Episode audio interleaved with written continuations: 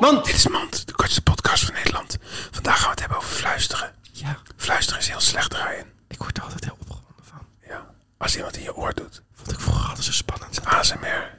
Nee, dat je vroeger, als je dan in het tentje zat met dat meisje. Waarom altijd met een meisje? Je zat vaak met een jongen in een tentje, toch? Dat klopt. In je herinnering. Ja. Ik was het een meisje, maar het was een jongetje.